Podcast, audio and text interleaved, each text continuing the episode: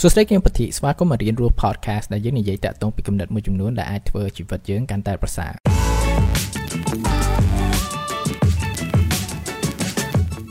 តាមមួយថ្ងៃមួយថ្ងៃតើអ្នកអានព័ត៌មានប្រហែល article ដែរអឺចំណាយពេលប្រហែលម៉ោងដែរក្នុងការអានពីមួយថ្ងៃមួយថ្ងៃ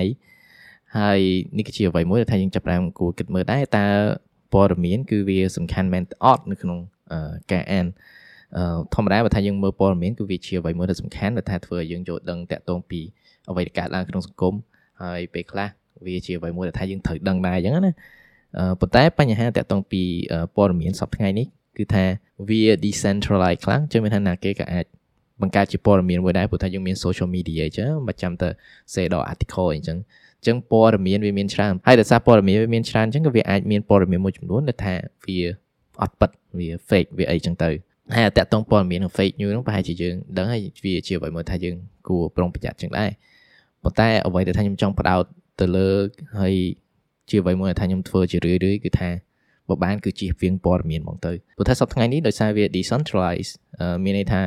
ពីណាគេក៏អាចធ្វើព័ត៌មានចឹងហើយវាមាន company ហើយជាមួយ news pages វាច្រើន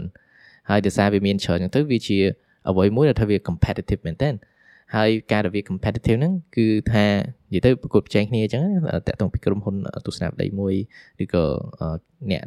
សារព័ត៌មានមួយមួយអញ្ចឹងទៅការដែលវាប្រកួតប្រជែងខ្លាំងអញ្ចឹងទៅគឺថា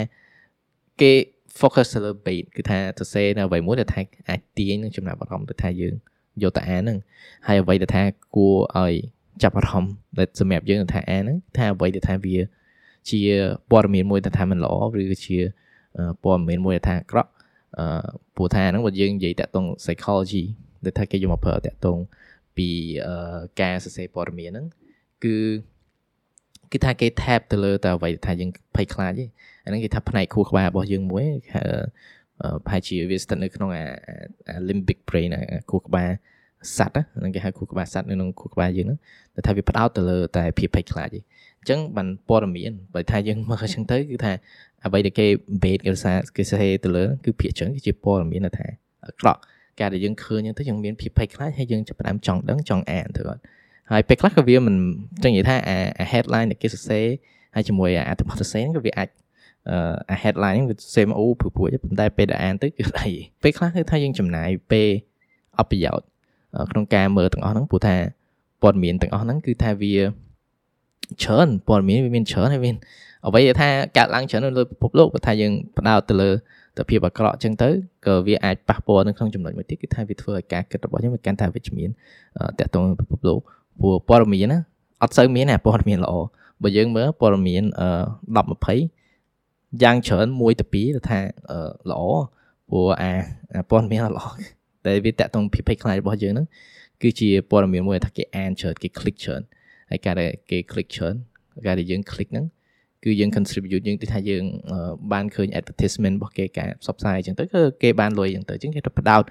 ព័ត៌មានរបស់គេគឺថាមួយមួយមិនមែនផ្សព្វផ្សាយនៅអ្វីដែលថាពិតទេប៉ុន្តែផ្សព្វផ្សាយនៅអ្វីមួយដែលថាគេ click ហើយបានលុយសម្រាប់គេអានេះខ្ញុំនិយាយថាក្រុមហ៊ុនព័ត៌មានអញ្ចឹងវាអាចក្រុមហ៊ុនមួយចំនួនដែលថាគេ operate នៅលើអា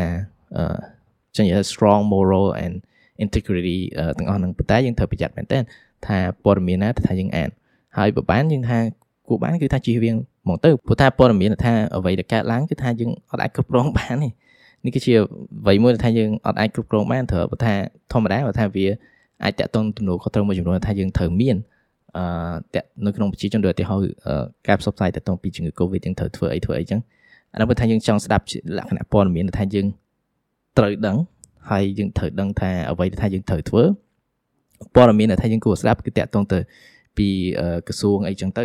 ព្រោះថាទាំងអស់នោះពេលដែលគេ communicate អីមួយពេលដែលគេប្រាប់អីមួយគឺថាវាមាន outline ច្បាស់លាស់ថាយើងជាប្រជាជនជាប្រជាជនថាយើងចង់អឺថែសារការពារខ្លួនយើងយើងត្រូវធ្វើអីខ្លះប៉ុន្តែព័ត៌មានថាយើងមើលជាធម្មតាអឺថាមានព្រឹត្តិការណ៍មួយសង្គមថាគេសរសេរជាអត្ថបទអីមួយចឹងពេលខ្លះគេថាអូអានេះកើតឡើងចឹងចឹងប៉ុន្តែ គេអត់មាននិយាយថាយើងត្រូវធ្វើអីធ្វើអីត្រូវអត់ចឹងថាតែប៉ុណ្្នឹងហើយចឹងព័ត៌មានថាវាអត់មាន call to action ទេគឺវាមិនមែនជាអ្វីមួយដែលសំខាន់ដែលថាយើងអឺត្រូវមើលយើងត្រូវដឹងប៉ុណ្្នឹងហ្នឹងហើយណាមួយវាប៉ះពាល់តាក់ទងពី productivity របស់យើងទៀតការដែលយើងធ្វើការងារអញ្ចឹងយើងចង់បដោតអារម្មណ៍ចង់អីចឹងអត់ហើយបើយើងធ្វើការលើការងារមួយហើយអារម្មណ៍យើងភ័យខ្លាចរហូតទោះថាយើងអាចផ្ដោតអារម្មណ៍បានអត់អញ្ចឹងមានថាវាធ្វើឲ្យយើង productive ហើយវាធ្វើឲ្យយើងចំណាយពេលវេលាខ្ជះខ្ជាយទៀត ហើយមិនតែប៉ុណ្្នឹងគឺថាអ្វីដែលថាយើងអានអ្វីយើង consume ហ្នឹងគឺអាចជាភាគច្រើនមិនមែនជាព័ត៌មានថាអាចជួយការងាររបស់យើងផងទៀតអញ្ចឹងបើបានយើងអាចជៀសវាងព័ត៌មានទូទៅដែលថាវាអត់មានប្រយោជន៍សម្រាប់ខ្លួនយើងហើយរឿងមានប្រយោជន៍អាហ្នឹងយើងទាំងអស់គ្នាគួរធ្វើសន្និដ្ឋានផ្ទាល់ខ្លួនយ៉ាងណាថាវាអត់មានប្រយោជន៍គុំទៅហើយបើបានបើថាយើងចង់ដឹងច្បាស់ហ្មងគឺថាមើលតែព័ត៌មានណាដែលថាវា top down ហើយវាមាន clear call to action វា ពី organization ឬក៏ពី government ថាគេមាន accurate information តាក់ទងពីអីមួយហ្នឹងចឹងថាព័ត៌មានទាំងអស់ហ្នឹងវាអាចពិតថាមួយវាអាចជាព័ត៌មានដែលថាវាដែលថាយើងត្រូវដឹងព្រោះថាវាជា call to action វាជា authoritative មួយដែលថាវា dictate ទៅលើ responsibility របស់យើងហើយមកទៀតបើថាបើសិនមកយើងចង់នឹងតាក់ទងពីព្រឹត្តិការណ៍ពិភពលោកយើងចង់អានព័ត៌មានហ្មងហៅព័ត៌មានណាដែលថាយើងបង់លុយសម្រាប់អានអាហ្នឹងដូចអឺនិយាយទៅវាមានវាមានច្រើនមាន Bloomberg វា មាន The Economist អីចឹងដែលថាអឺព័ត៌មានគឺវាអត់ free ទេការដែលព័ត៌មានអត់ free ហ្នឹងគឺថាគេសរសេរមកគឺថាគេសរសេរសម្រាប់ serve audience គេមិនសរសេរសម្រាប់ purpose អ្នកអ្នកអានទេប្រើប្រាស់ក្នុងលក្ខណៈថា click យកលុយប៉ុន្តែគេសរសេរហ្នឹងសរសេរឲ្យអ្នកអានហ្មងជឿមានថាព័ត៌មានហ្នឹងវា accurate ហើយព័ត៌មានហ្នឹងគឺវាមិន base ទៅលើអ្វីដែលថា base ទៅថាយើង click អានអញ្ចឹងគិតឡើងវិញតើតងពីព័ត៌មានយើងមើលឡើងវិញតើវាជាអ្វីដែលថាសំខាន់អត់ ព័ត៌មានណាខ្លះយើងចាប់ផ្ដើមកាត់ចោលហើយជាពិសេសគឺថាផ្ដោតទៅមើល